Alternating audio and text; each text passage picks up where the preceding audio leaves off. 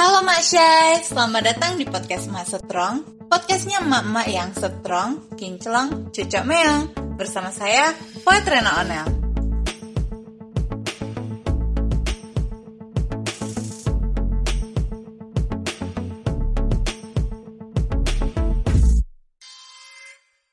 Sebelumnya kami rekomendasikan kepada Mak Syai untuk menggunakan headset saat mendengarkan podcast ini. Enjoy Mak Syai. Kembali lagi di podcast Mak Setrong, podcastnya Mama yang Setrong, Kinclong, Cucok Meong bersama saya Poet Rena Onel. Oke, Mak Syai sekalian apa kabarnya? Mudah-mudahan di bulan puasa kali ini Mak Syai sekalian bisa sehat terus, bisa lancar menjalankan ibadah puasa bersama keluarga dan juga nggak boring di tengah PSBB. Kebetulan uh, tema yang mau kita obrolin untuk podcast kali ini adalah tentang uh, menjaga kesehatan anak dari uh, penyakit atau wabah COVID-19 yang sedang merebak saat ini dan pemateri kita kali ini adalah seorang dokter yang juga merupakan podcaster dari salah satu podcast um, tentang kesehatan gitu. Nama podcastnya Relative Perspective. Uh, jadi kita langsung aja deh ngobrol dengan dokter dan juga podcaster kece satu ini yaitu Dok Oxpara. Nama Twitter dan Instagramnya Oxpara. Halo Dok Oxpara, Dok Sela ya namanya. Ya, halo. Apa kabar? Apa kabar baik, Dok? Uh, dok Sela sendiri gimana kabarnya? Sehat, alhamdulillah. Sehat. Lagi puasa? Lagi puasa sama berarti. Walaupun ini saya lagi kondisi menyusui sekarang, lagi ada anak kecil. Tapi tetap puasa, insya Oh, Allah oke. tetap sehat Wah, ya. Eh, dok, eh, aku penasaran Strong banget ya. Strong dong, harus strong kan podcast emak strong ya. Oh dok, eh, ini karena dari emak ke emak boleh nggak panggilnya mak mak mak dok, mak Sheila ya berarti Boleh. mak Sheila. Eh, ya, boleh, boleh. Oke siap. Nah mak Sheila ini kenapa kok nama Twitter sama dari Twitter ya kayaknya asalnya soalnya saya waktu awal-awal follow mak Sheila di Instagram namanya belum Oxfara tuh. Itu ada cerita tersendiri kah? Ah, da- sebenarnya dari awal tuh namanya Oxfara, cuman pas kemarin sempet diganti karena Oh. ah, ada apa namanya susah nyarinya katanya gitu. Cuman saya pikir udahlah dipakai yang nama yang dulu itu dari dari jadi dulu dari dulu itu pakai nama Oxfara dulu. Gitu. Oh gitu, dari awalnya udah Oxfara Iya. ya. Eh, taunya tuh dari Iya, Twitter gitu dok awalnya, soalnya sering kayak Ah, di retweet iya. orang-orang gitu kan tweetnya Mak Sela ini. Oke, kesibukannya sekarang eh, sedang apa namanya dinas di mana dok? Eh, ya, saya dinas di salah satu rumah sakit rujukan di Jakarta. Jadi em, kesibukannya itu eh, kalau di waktu senggang eh, bikin podcast biasanya. Nah, bikin podcast. Kenapa kok bisa terpikir bikin podcast tentang tema kesehatan, Mak? Karena profesi ya. Iya, karena kan, eh, sepertinya kan sekarang eh, kebutuhan orang akan informasi yang bisa dipercaya itu kan semakin meningkat. Walaupun kita tahu informasi itu ada banyak sekali, cuman eh, mana informasi yang bisa kita percaya itu kan eh, tidak banyak ya, yang Hmm. bisa kita beneran eh, bisa relay informasinya, yang nggak membingungkan. Nah, saya pengen punya eh, channel eh, yang orang tuh kalau mendengarkan informasi itu bisa mereka percaya itu yang pertama. Yang kedua juga untuk eh, meningkatkan diskusi tentang eh, masalah-masalah kesehatan karena selama ini sepertinya masalah kesehatan itu di masyarakat kurang diminati dulu ya sebelum ada wabah ini. Tapi Oh, iya iya eh, iya ada wabah benar-benar. ini wah semuanya jadi Lebih aware. per- iya lebih aware tentang kesehatan. Betul betul betul. Sekarang jadi lebih aware, eh, memperhatikan banget ya, Mak, sama kesehatan Iya. sampai ke mana-mana bawa sanitizer lah, eh, cuci tangan lah. Iya, Mm-mm. oke. Itu hal yang bagus sebenarnya sekarang Mm-mm. ya. mudah-mudahan ini uh, bisa setelah wabah ini mereda juga tetap kebiasaan yang baik itu tetap kita ikuti gitu. Tetap diikuti, tetap diteruskan ya, Mak ya. Iya. Oke, okay, baik. Nah, omong-omong tentang wabah nih, kita kan uh, untuk tema podcast kali ini adalah tentang menjaga kesehatan anak di masa pandemi COVID-19. Mm -hmm. Nah, uh, kita kepengen tahu dulu dong, dok, uh, sebenarnya uh, penyakit COVID-19 atau virus corona ini uh, gejala dan lain-lainnya itu seperti apa? Bisa dijelaskan sedikit dulu nggak?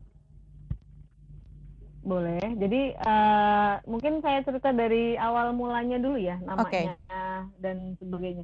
Ini kan sebenarnya merupakan suatu penyakit yang baru ya, penyakit yang disebabkan oleh virus namanya coronavirus.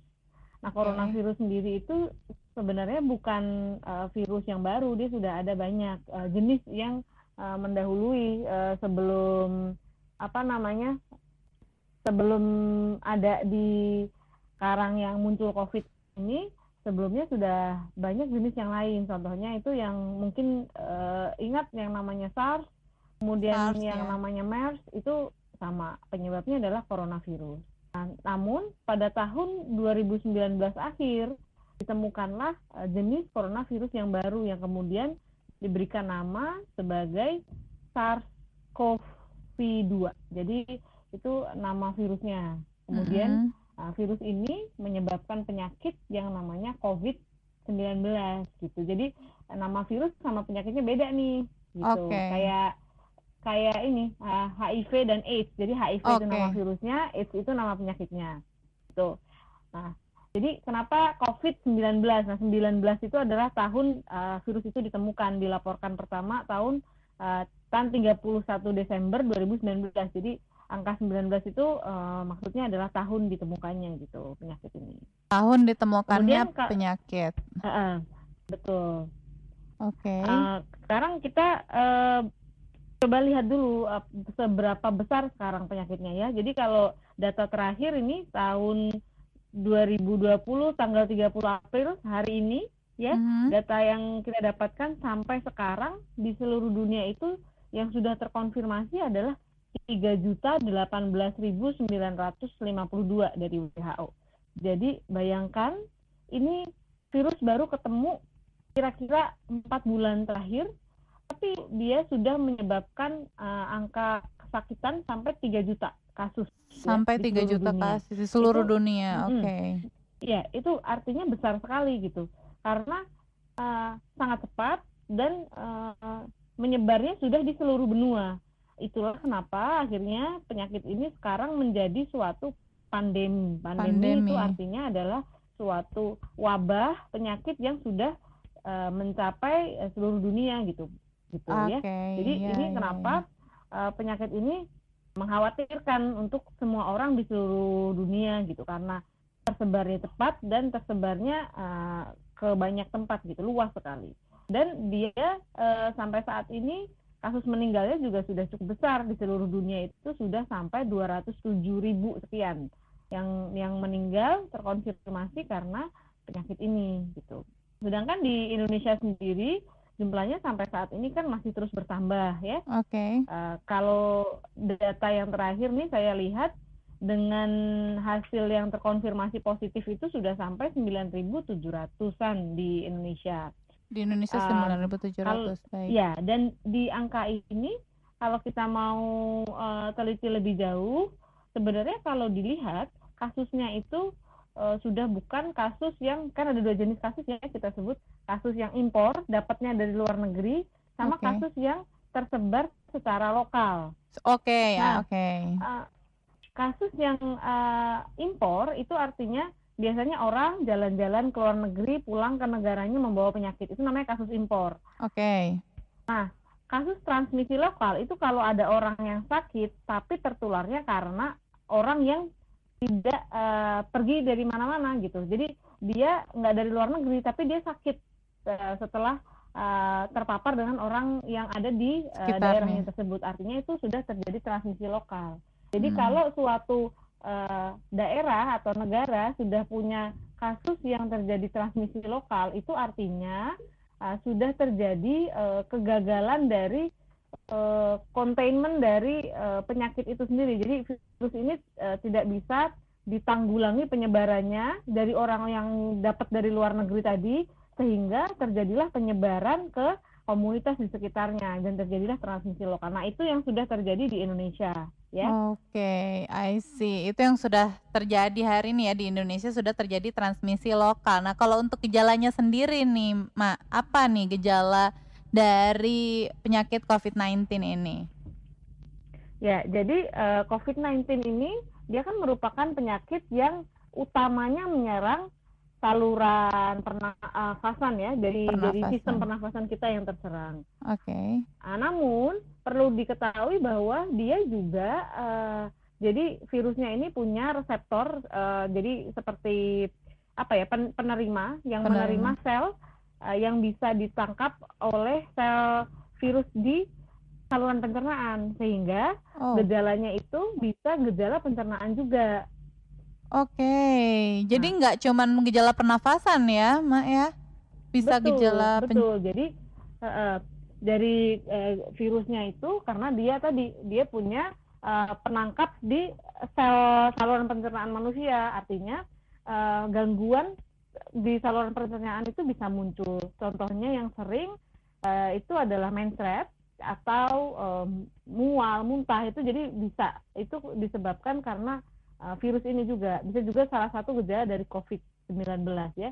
Jadi oh. gejala utamanya um, umumnya adalah demam, demam, kemudian batuk ya, batuk, batuk. kering, batuk kering, oke okay, demam, batuk kering, ya, kemudian sesak nafas, sesak nafas, bisa juga ada sakit kepala, sakit kepala, sakit tenggorokan, sakit tenggorokan, bisa uh, badan badannya lemes, kemudian uh, kelelahan gitu. Oke. Okay. Dan Sampai yang gejala diare. pencernaan, oh diare, oke. Okay. Yang iya, gejala pencernaannya gitu. diare Jadi itu ya. yang uh, ini utamanya ya. Jadi ini ada cerita nih, saya baca kemarin di berita okay. di Sulawesi kalau nggak salah itu uh, ini memang uh, yang terkena pertama itu bukan anak-anak ya. Ini kan ini ini ayahnya nih yang kena pertama. Jadi okay. di Sulawesi ini ada seorang ayah, dia awalnya diduga sakit tipes. Jadi mungkin gejala pada awal itu gejala dominannya dia selain demam itu gejala pencernaan dia ya.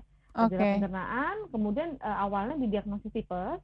Namun akhirnya uh, semakin uh, kes, uh, beberapa hari kemudian dicoba dites, dicek, dicek di rapid test, ternyata ayahnya ini positif gitu. Mm -hmm. Rapid testnya artinya dia menderita COVID-19 kan. Mm-hmm. Nah, akhirnya di keluarganya dicek semua itu anggota keluarga termasuk anaknya, kemudian istrinya itu dicek dan satu keluarganya itu positif. Nah, ini kita belajar bahwa e, gejala pencernaan itu juga e, bisa merupakan salah satu tanda dari COVID-19 itu. Jadi e, kita uh, ini agar kita semakin waspada aja gitu. Oh iya, bener. Tapi emang uh, saya sendiri baru dengar loh, Mak, kalau misalnya ada gejala juga di pencernaan. Soalnya yang biasa terekspos kan apalagi dokter di garda terdepan biasanya SPP ya, spesialis paru.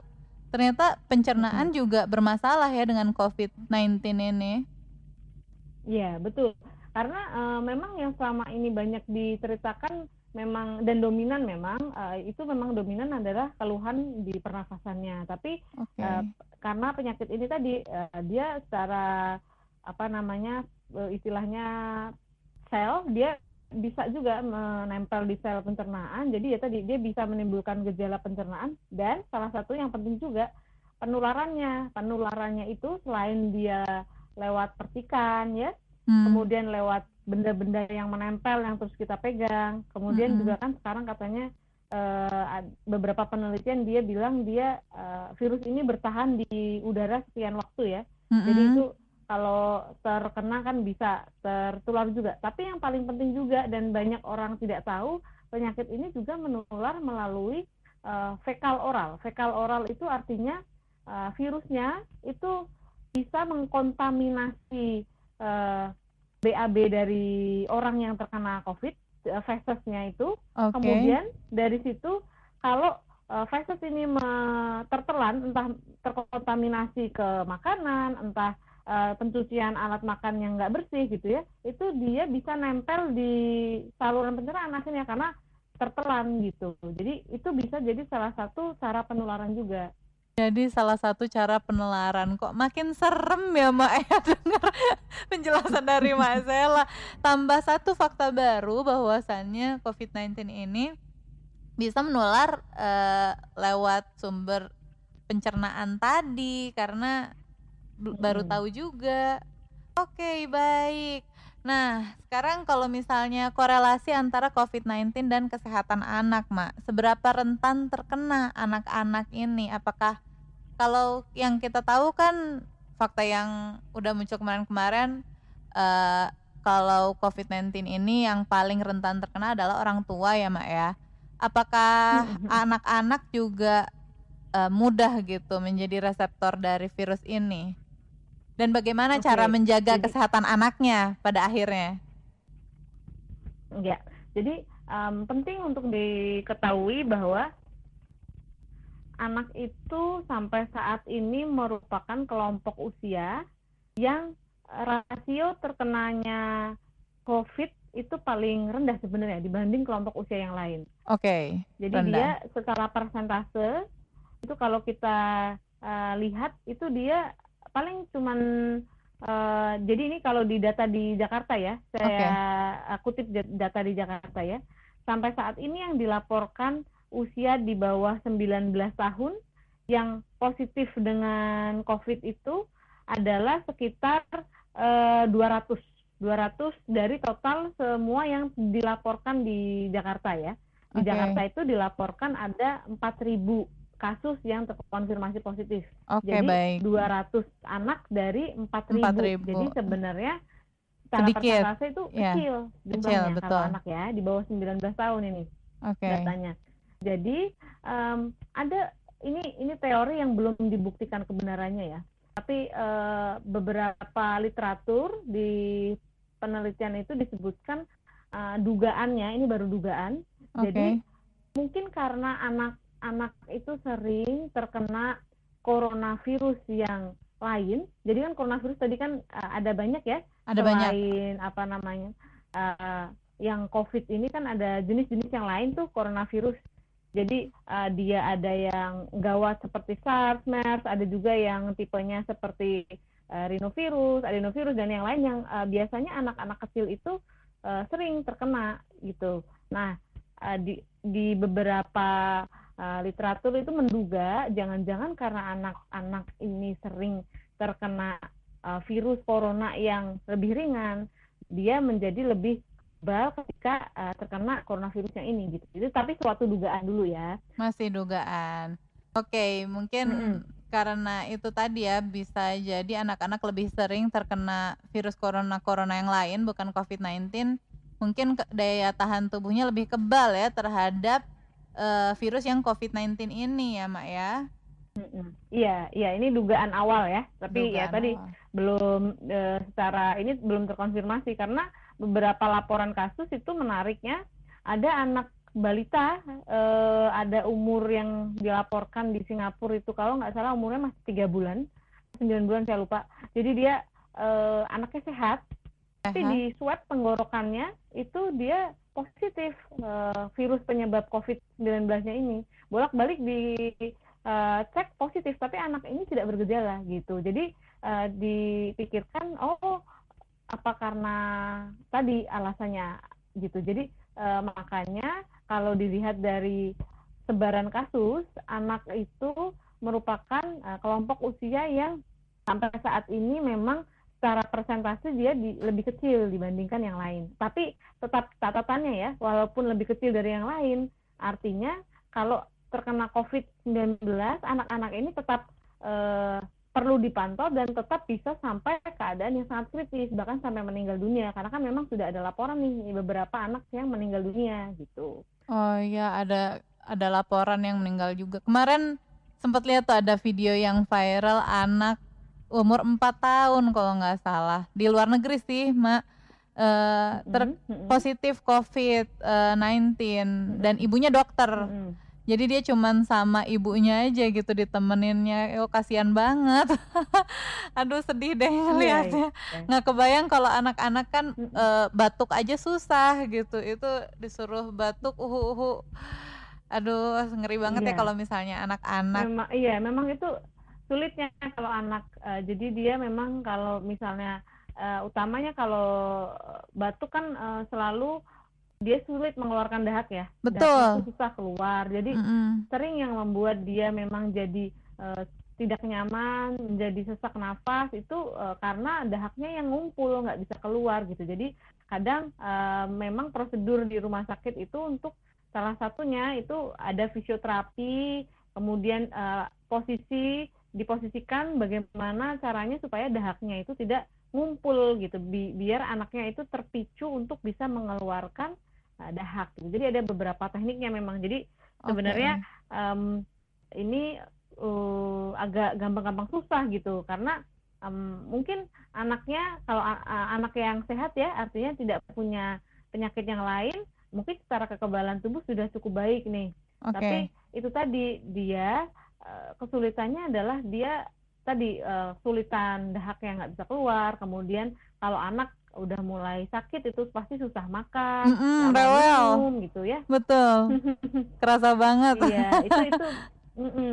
Makanya itu harus eh, dipantau ketat. Eh, beberapa harus eh, dirawat di rumah sakit karena alasan alasan-alasan tersebut gitu. I see.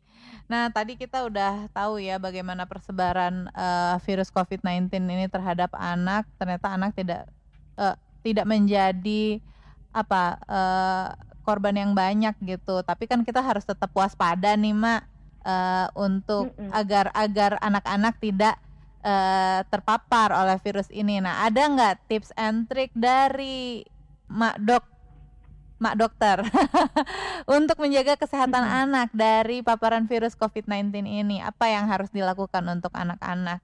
Anak-anak mungkin Ya, perlu treatment jadi khusus ya kayak batuk gitu. Obat-obat juga mm-mm, mungkin kan mereka nggak terlalu suka konsumsi. Mungkin ada treatment khusus dari Mak Sela?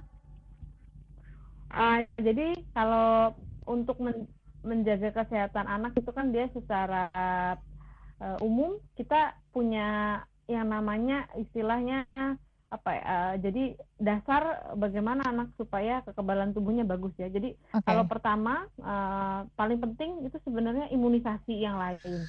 Kita kan sampai Oke. sekarang memang belum punya yang namanya imunisasi COVID-19 ini kan belum ada nih masih dibuat Betul, vaksinnya. betul. Mm-mm. Nah, penting sekali imunisasi yang lain itu sudah harus lengkap gitu. Oke.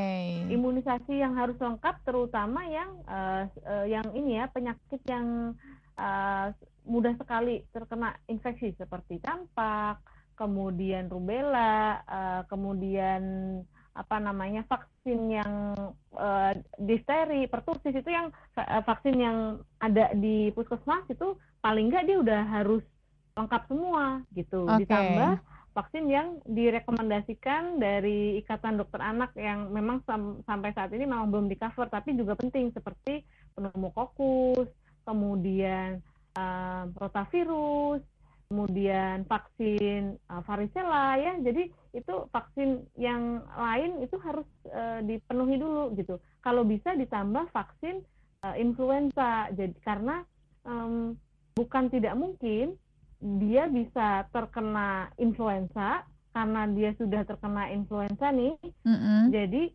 virus coronanya juga lebih gampang mengenai anak ini. Jadi dua sakitnya gitu. Jadi makanya yang paling penting ini yang bisa kita lakukan sementara vaksin corona yang khusus COVID ini belum ada, maka vaksin-vaksin yang sudah ada dan dianjurkan itu harus lengkap untuk anak-anak. Itu yang pertama. Oke. Yang kedua, ada lagi, Mak? Nah, yang kedua itu eh, nutrisi. Itu penting sekali Nutrisi, nutrisi, ya. Anak-anak itu kan eh, pada masa yang dia artinya jadi yang membedakan anak dengan dewasa itu kan ada masa ya pertumbuhan dan perkembangan. Artinya kalau pada dewasa makanan itu untuk eh, mengganti sel-sel yang sudah rusak dan menjaga metabolismenya berjalan. Nah, bedanya dengan anak, anak itu membutuhkan sumber energi membutuhkan protein untuk pertumbuhan juga gitu, untuk pertumbuhan dan perkembangan dia. Jadi ketik kebutuhannya tentu secara uh, umum dibandingkan dewasa sebenarnya dia lebih besar ya di, di bagi proporsi tubuhnya dia sebenarnya anak itu lebih besar membutuhkan uh, protein. Nah, jadi bagaimana caranya supaya kita bisa menjaga supaya nutrisi anak ini seimbang gitu bagus. Jadi gini uh, usia sesuai usianya ya tentunya. Jadi misalnya di bawah usia enam uh, bulan itu kita pastikan kalau memang dia asi eksklusif berat badannya harus naik kurva itu sesuai, nggak boleh okay. dia melambat, nggak boleh dia naiknya kurang gitu. Oke. Okay. Itu uh, utama karena kalau dia berat badannya kurang, kemudian naik sih, tapi naiknya nggak banyak. Nah itu dilihat tuh kan ada di grafiknya karena kita punya target kenaikan berat badan kan, setiap yeah. bulannya anak tuh harus naik berapa. Nah kalau dia naik tapi kurang, itu hati-hati karena anak yang sudah punya risiko untuk terjadinya gizi yang kurang, berat badannya nanti nggak tumbuh nanti dia mudah uh, terkena penyakit gitu karena kekebalan tubuh itu uh, diatur juga oleh uh, status gizi kita. Jadi status gizi uh, pada ya. anak yang gizi buruk sudah pasti itu kalau kena penyakit infeksi itu jadi berat. Oke. Okay. Kenapa? Karena anak yang gizi buruk itu uh, pasti dia proteinnya di tubuhnya kurang, pasti sel-sel uh, yang membentuk kekebalan itu juga jadi kurang. Jadi ketika ada sesuatu dari luar yang mengganggu tubuhnya, maka dia tidak bisa merespon dengan tepat sehingga jatuh pada keadaan infeksi yang menjadi berat gitu. Jadi jangan sampai seorang anak itu status gizinya uh, terancam kurang atau sampai gizi buruk. Nah, yang penting diketahui juga status gizi yang lebih itu juga tidak boleh. Anak yang obesitas, yang kelebihan berat badan itu mengalami peradangan yang terus-terusan di tubuhnya. Dan okay. ini melemahkan kekebalan tubuhnya gitu. Baik, baik. Oke, dua sudah uh, tips dari Mak Sela. Ada lagi? Uh, yang penting juga satu lagi menurut saya itu waktu istirahat anak ya. Jadi di masa ini kan banyak mungkin anaknya uh, banyak yang di rumah aja. Ayo dok boleh. Ya, dan jadi kalau dari yang uh, tadi ditambah yang ketiga ya, yang okay. penting itu juga untuk menjaga saya jam istirahatnya itu cukup. Jam sekarang kan istirahat, kan, oke. Okay. Ya, sekarang kan anak-anak ini banyak yang dia di rumah ya, di nggak pergi ke sekolah gitu. Ada yang um, jadwalnya jadi agak beda kan. Misalnya dia jadwal biasanya pulang sekolah uh, selesai dari sekolah misalnya jam 2 gitu ya dia sekarang ini di rumah aja sekolahnya lewat online aja gitu jadi ini ini kadang uh, karena waktunya di rumah panjang tidak disiplin banyak yang akhirnya main gadget. Betul. Nah ini harus diwaspadai karena tetap sama nih peraturannya. Kalau uh, screen time uh, waktu menonton TV waktu bermain gadget itu harus uh, ada batasnya. Dan waktu tidur itu ada batas minimalnya untuk setiap usia gitu. Oke, jadi selain vaksin, uh, kemudian nutrisi, yang ketiga jam istirahat yang cukup ya. Betul, itu itu penting sekali karena kalau kita tidurnya kurang, artinya waktu untuk memperbaiki sel-sel di tubuh kita itu juga pasti menurun. I see. Oke, baik. Udah tiga tadi. Ada lagi nggak tips and triknya selain? Uh, vaksin, nutrisi, dan istirahat? Waktu bermain, waktu bermain itu uh, kan kalau orang dewasa mungkin bisa dengan olahraga ya. Oke. Okay. Itu kan ini, tapi kalau anak, apalagi kalau masih balita kan dia nggak ngerti tuh apa tuh olahraga. Nah, bagi anak-anak itu olahraga itu uh, seperti uh, bermain, jadi aktivitas fisik dia. Jadi walaupun di rumah jangan terus-terusan diberikan screen time ya, jangan diberikan gadget, jangan dikasih TV terus. Jadi ya diajak uh, kalau di belakang rumah ada pekarangan, diajak berkebun, bermain. Nah, kalau misalnya ada apa bermain dengan kucing atau ikan gitu. Jadi ada aktivitas di mana dia uh, tetap bisa menggerakkan tubuhnya. Karena itu penting untuk uh, selain untuk kekebalan tubuh dia juga untuk uh, perkembangannya dia. Karena kan dia masih butuh stimulasi gitu. Jadi ya, stimulasi main itu uh, itu hal yang penting juga. Uh, bermain itu kan uh, salah satu hal yang ini ya secara bonding juga dengan uh, orang tua jadi lebih meningkat gitu. Jadi uh, lebih meningkatkan uh, perkembangan otaknya menstimulasi gitu. Jadi misalnya di rumah uh, udah bermain di pekarangan kemudian mau cari aktivitas yang lain ya mungkin harus tuh bermain seperti menggambar main ular tangga main puzzle gitu. Jadi diusahakan tetap uh, ada interaksi uh, utamanya gitu dengan uh, anggota keluarga yang lain. Ada interaksi dengan anggota keluarga yang lain dengan cara bermain. Ternyata bermain untuk anak penting banget ya, Mak ya. Sepenting iya. itu. Kayak orang dewasa ini aja, apa namanya? Orang dewasa bekerja, bermain itu mm -hmm. buat anak itu penting sekali Iya, oke. Jadi bermain untuk anak penting banget. Tadi poin keempat bermain setelah menjaga nutrisi, vaksin, dan juga istirahat. Ada lagi nggak, Mak, tips and triknya? Yang terakhir ini yang uh, uh, penting dan ini uh, tidak spesifik untuk COVID saja ya, tapi untuk penyakit-penyakit uh, infeksi yang lain yaitu ini harus menjaga kebersihan diri. Menjaga kebersihan diri, baik. Utama jadi anaknya diberi pemahaman. Jadi biasanya kita harus kasih pemahaman kenapa sih saya harus cuci tangan terus? Dijelaskan uh, virus corona apa? Bagaimana supaya kita sehat gitu. Jadi uh, supaya uh, anak ini tuh ngerti kenapa sih disuruh cuci tangan kalau misalnya mau rumah habis pegang mainan atau dia tidak boleh masuk sekolah itu harus diberikan pemahaman supaya nggak merasa apa ya terasing gitu dengan uh, kondisi yang sekarang dialami. Jadi dia paham dengan lingkungan sekitar, jadi bisa lebih uh, diajak kerjasama di rumah dengan orang tua harus menjaga kebersihan itu dia bisa lebih ngerti. Gitu. Oke, baik. Ini berarti ada lima poin ya tadi ya, Mak ya? Ya, betul. Lima poin, mungkin saya coba rangkum. Yang pertama tadi vaksin, kemudian nutrisi, kemudian istirahat yang cukup, kemudian bermain dan terakhir menjaga kebersihan. Wah, udah oke okay banget nih tips and trick dari Dokter Sela untuk uh, menjaga kesehatan anak dari ya cuma dari COVID-19 aja sih ya ini Mak ya. Secara umum sebenarnya. Iya. Uh, karena kalau kita bisa mencegah penyakit yang lain, maka kemungkinan kita terpapar COVID kan pasti juga menurun gitu. I see, oke, okay. baik. Yang yang jelas mah uh, menjaga kesehatan itu penting. yeah. Oke, okay. ini udah ada beberapa pertanyaan yang masuk nih Mak ke Instagram dan juga WhatsApp Mak Satrong. Kita masuk ke sesi Q&A ya Mak ya? Ya, silahkan uh, ada uh, mau dibaca satu-satu terus dijawab atau mau dibaca semua dulu terus dijawab? Um, dibaca satu-satu terus dijawab aja mungkin ya biar lebih ini enak. Oke. Okay. Siap. Ini dari Instagram dulu kali ya. Oke, okay, ini hmm. yang pertama ada dari Ma TV. Pertolongan pertama apa yang harus dilakukan jika anak terlihat memiliki gejala seperti COVID? COVID-19 mungkin maksudnya. Silahkan, mm -mm. Mak. Pertolongan uh, pertama. Jadi, pertolongan pertama ya. lagi lagi-lagi kita kembali bahwa gejala COVID-19 itu sangat tidak spesifik.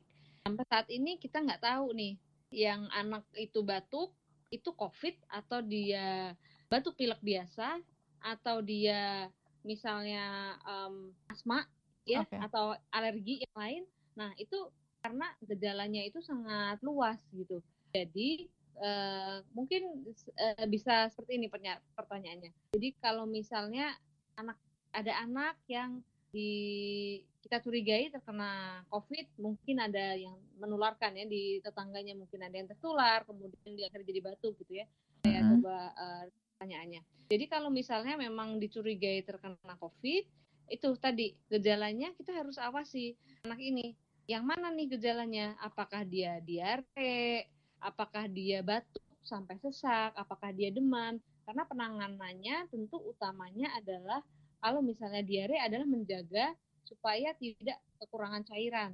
Oke. Okay. Karena uh, ya itu jadi tadi kembali ke gejalanya ya. Okay. Uh, eh, apa yang kita lakukan? Karena kan tadi kita nggak bisa menduga anak ini kena COVID waktu di rumah karena COVID itu harus dibuktikan dengan uh, eh, PCR gitu. Tapi yang bisa kita tangani adalah gejalanya. Yang pertama kali muncul ya itu yang ditangani. Jadi kalau di rumah anaknya diare, ya gimana caranya supaya dia nggak kurang cairan, minum okay. ya, berikan mm-hmm. oralit misalnya dia udah nggak mau minum muntah harus segera dibawa ke rumah sakit mungkin dia butuh diinfus entah okay. itu penyebabnya kok bukan itu sama penanganannya okay. atau misalnya batuk uh, batuk kemudian uh, batuk susah ngeluarin dahak sampai dia muntah keluar dahaknya terus demam nggak mau makan nggak mau minum ya itu tadi jadi kita harus uh, mem membuat supaya lingkungannya tidak membuat dia semakin batuk. Jadi misalnya nih kalau di rumah ada yang ngerokok ngerokoknya harus berhenti. Terus habis itu kalau misalnya kita bisa menangani demamnya dulu dengan obat pemberian obat penurun panas kasih obat penurun panas boleh. Kemudian kok nggak turun-turun? Masih batuk. Kok anaknya tambah nggak mau makan? Berarti saatnya dibawa ke rumah sakit gitu. oke okay, I see. halo seperti itu ya Mak Sela oke okay. penanganannya kalau misalnya uh, gejala berlangs berlanjut uh, maka dibawa ke rumah sakit ya Mak ya mm -mm. oke okay. selanjutnya nih ada pertanyaan kedua dari Pak Bagas Bagas Bagasena apa tadi? Misal kita ke Indomaret, ke kon ini kok gitu. Terus balik ke rumah, virus yang di Indomaret tuh bisa nempel di pakaian nggak sih katanya? Kalau iya bisa, gimana caranya biar nggak nularin ke orang rumah, Mak? Monggo. Ah, jadi um, virus ini kan memang dia bisa bertahan di lingkungan luar ya. Katanya uh, beberapa penelitian itu sampai 4 jam di luar gitu. Jadi apa yang penting kalau misalnya di baju ya, ini uh, kebiasaan yang harus ditanamkan dari dini sih menurut saya. Kalau kita pergi keluar itu pastikan kalau udah pulang ke rumah bajunya diganti. Baju itu, diganti. karena itu bisa baju yang dari keluar rumah itu sebelum kena virus ada wabah ini ya, itu kan kalau polusi itu kena ada polusi, kalau ada orang rokok ada asap rokok di situ. Jadi kalau pulang ke rumah, baju yang tadinya dipakai untuk keluar itu jangan dipakai lagi di rumah, pakai baju yang uh, di rumah khusus gitu. Jadi uh, kalau uh, penyimpanannya juga jangan di tempat yang apa namanya uh, di ruang keluarga gitu misalnya jangan. Jadi di tempat yang memang oh ini bajunya kotor, jadi ditempatkan di tempat yang uh, kotor gitu. Jadi tidak dipakai lagi karena itu tadi uh, virusnya memang bisa menempel dan tidak hanya virus sebenarnya asap rokok polusi, polusi. bisa nempel di situ. Oke, jadi ya dimulai dengan kebiasaan itu. Ini walaupun tidak wabah COVID pun harus begitu ya, Mak berarti. iya, itu supaya orang di rumah kita nggak terpapar sama yang di luar. Itu itu kebiasaan kalau saya misalnya pulang dari rumah sakit nih, sebelum saya ngapa-ngapain pasti saya masuk ke kamar mandi ganti baju mandi baru berinteraksi sama orang di rumah Oh, ternyata ini justru harus dijadikan kebiasaan sehari-hari ya, habit bukan cuman apa pada satu event ini ada COVID aja ya. Himbauan-himbauan yang ada ini. I see. Iya, baik, betul. baik. Oke. Okay. Sehat itu sekarang disarankannya jadi memang ini uh, kalau misalnya saya nyuci baju itu saya pisahin sama lain uh, baju saya ya saya karena baju keluarga yang lain kan tidak ada di rumah sakit ya jadi jangan uh -uh. sampai terkontaminasi gitu oh malah khusus kalau misalnya nakes ya tenaga kesehatan mm -hmm. dicucinya sendiri baik oke terjawab sudah berarti ya uh, pertanyaan dari ini bapak-bapak Pak Bagas ini terakhir ada yang nanya ke WhatsApp nih dok ini emak-emak sih yeah. kayaknya. Perempuan soalnya namanya. Ya, emak-emak karena anak. Anak saya usia 11 minggu, pekan lalu baru saja imunisasi DPT 1 dan polio 2 di puskesmas. Namun timbul kecemasan adanya penularan COVID-19 ketika di puskesmas atau bahkan ketika keluar rumah.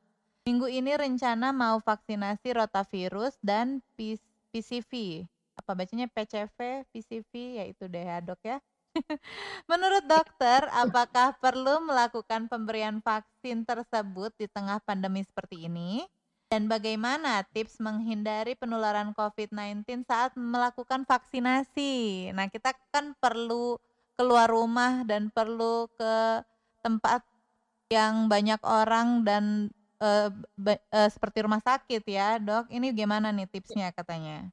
Jadi uh, balik lagi ya tadi kalau misalnya vaksin itu kan hal yang sangat penting karena okay. untuk menjaga supaya tidak terkena uh, sakit karena penyakit yang lain gitu. Jangan sampai nanti uh, wabah selesai jadi wabah campak. Nah, itu jangan sampai kayak gitu. Makanya ini penting supaya uh, vaksin itu tetap diberikan. Jadi caranya, jadi kalau dari saya sarannya tetap diberikan sesuai jadwal kalau bisa. Jadi kalau pergi ke fasilitas kesehatan, sebenarnya fasilitas kesehatan itu dia membedakan. Nah, kalau dia memberikan layanan imunisasi itu biasanya tidak disatukan anak yang sakit gitu.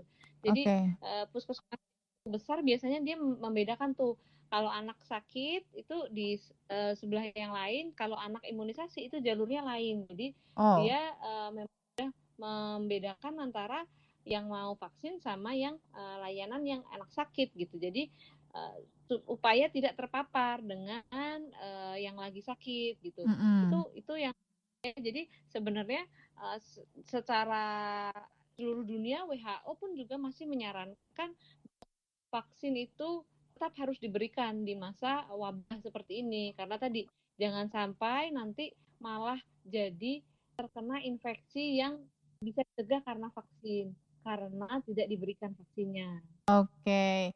Uh, tadi sudah terjawab ya dari Mak Devina di Bekasi. Oh ini dok, kalau misalnya teman saya itu vaksinnya ke khusus kayak rumah vaksin gitu, mungkin itu bisa jadi solusi ya? Oh iya betul bisa itu jadi khusus memang untuk layanan anak sehat ya jadi di rumah vaksin gitu. Um, ada juga yang bagus nih di beberapa daerah itu kan uh, biasanya pemberi kan ada posyandu ya yang biasanya oh, iya. vaksin di posyandu gitu bulanan itu. Nah ini petugas posyandunya itu datang ke rumahnya untuk memberikan vaksin. Oh itu keren banget didatangin. Iya ada beberapa daerah yang dia uh, sampai uh, petugas posyandunya yang mendatangi anak ini supaya anak ini jangan sampai dia kelewatan vaksinnya. Itu luar biasa sekali untuk oh. uh, posyandu bisa mengerjakan seperti itu. Wah, keren-keren. Baru dengar nih kalau misalnya ada posyandu yang seinisiatif itu ternyata ya. Di sini di tempat saya posyandunya ditiadakan malah. oh, iya. Untuk menghindari kerumunan katanya. Mm -mm.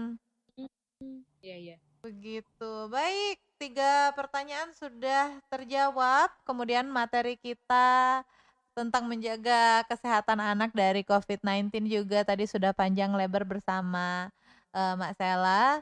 Uh, sekarang waktunya kesimpulan, Mak. Ada kesimpulan nggak dari Mak Sela untuk materi kali ini? Buat mak-mak strong semua, supaya bisa menjaga kesehatan keluarganya dari wabah COVID-19. Ya, jadi uh, menurut saya kalau misalnya untuk menjaga supaya tidak terkena wabah ini kita kembali ke dasarnya ya bahwa kekebalan tubuh itu menjadi hal yang sangat penting untuk dijaga supaya tidak mudah terkena e, virus COVID-19 ini. Jadi yang pertama tadi terutama untuk anak ini imunisasi, kemudian nutrisi, kemudian istirahat yang cukup, aktivitas uh, di rumah, bermain dan olahraga kalau untuk orang dewasa ya. Dan mm -hmm. juga yang terakhir itu yang penting juga itu adalah um, apa namanya? menjaga kesehatan. Yang, eh menjaga ya, kebersihan, maaf. Higienitas ya. Yeah. Harus menjaga uh, apa namanya? sering cuci tangan gitu. Jangan sering pegang wajahnya. Jadi itu hal-hal sederhana yang sebenarnya uh, seharusnya bisa kita lakukan setiap hari gitu. Oke, okay, baik. Itu tadi kesimpulan dari Dok Oxpara atau Mak Sela. Baik, wah materi hari ini seru banget. Mulai dari data-data tadi kita udah ngobrolin data-data di awal pembicaraan podcast ini, kemudian sampai tips and trick terakhirnya. Terima kasih banyak Mak Sela untuk obrol-obrolnya di episode kali ini. Ya. Terima kasih juga sudah diundang. Oke. Nah, kalau misalnya ada yang kepengen konsultasi atau tanya-tanya sama Mak Sela, harus menghubungi ke mana nih? Uh, bisa uh, ke Twitter saya aja di @oxfara o x f a r a ya. Saya cukup aktif di Twitter. Betul. Uh, cukup aktif banget. Request, mau, mau request uh, episode podcast bisa di uh, email aja ke email di podcast di relatif perspektif podcast at gmail.com Oke, okay, untuk request uh, episode podcast ya nanti request ah, aku udah denger lumayan banyak nih episode podcastnya Mak Sela. oh ya Instagram Instagram Mak sama ya sekarang ya Oxfara ya. Sama ya, sama uh, Oxfara juga. Iya, ah, baik. Untuk mama yang kepengen tanya-tanya atau mau request episode podcast dari Mas Sela silahkan langsung menghubungi yang tadi sudah disebutkan oleh Mas Sela ya. Baik, terima kasih sekali lagi Mas Sela. Ini kita tutup ya episode kali ini, Mak. Ya, silahkan. Oke, terima kasih banyak juga untuk uh, Mak Setrong semua yang sudah mendengarkan episode podcast kali ini. Mudah-mudahan bermanfaat dan bisa diaplikasikan khususnya di tengah wabah COVID-19 yang sedang merebak saat ini. Stay strong, stay healthy semua emak-emak uh, dan semoga lancar ibadah puasanya. Bye, Mak Syai. Ya, bye. Masya sekalian, makasih banyak ya udah dengerin episode podcast kali ini.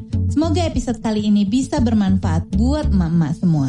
Jangan lupa share ke emak-emak lain ya. Dan tetap jadi emak-emak yang strong, kinclong, cucok meong. Bye Masyai.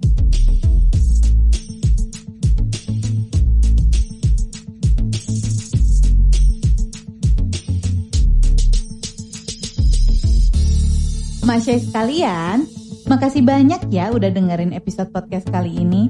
Semoga episode kali ini bisa bermanfaat buat emak-emak semua.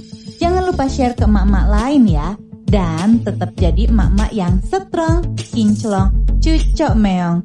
Bye Masyai.